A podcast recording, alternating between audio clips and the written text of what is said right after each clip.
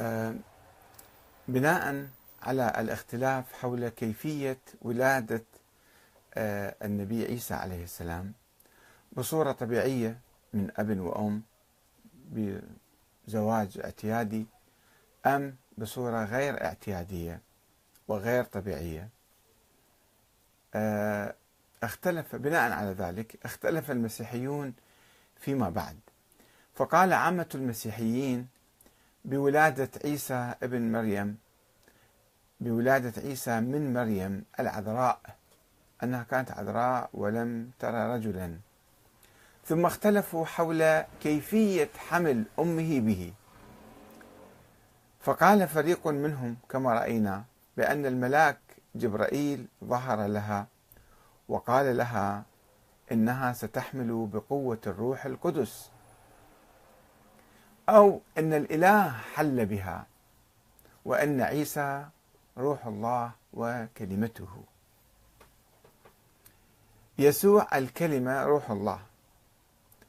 وتبنى يوحنا في إنجيله أحد الأناجيل الأربعة الرسمية.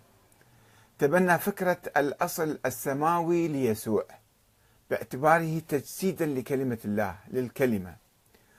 وتبنى أيضا القول بعقيدة الابن أن عيسى ابن الله الذي كان عند الله منذ الأزل.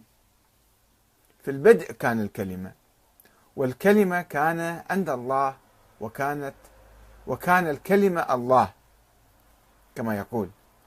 والكلمة صار جسدا وحل بيننا ورأينا مجده مجدا. كما لوحيد من الأب مملوء نعمة وحقا.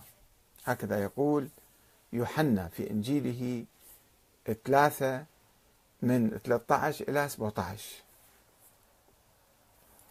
وأطلق يوحنا على يسوع لقب الإبن وأضفى عليه يعني ابن الله وأضفى عليه مسحة إلهية غير بشرية ونسب إليه القول إلى عيسى.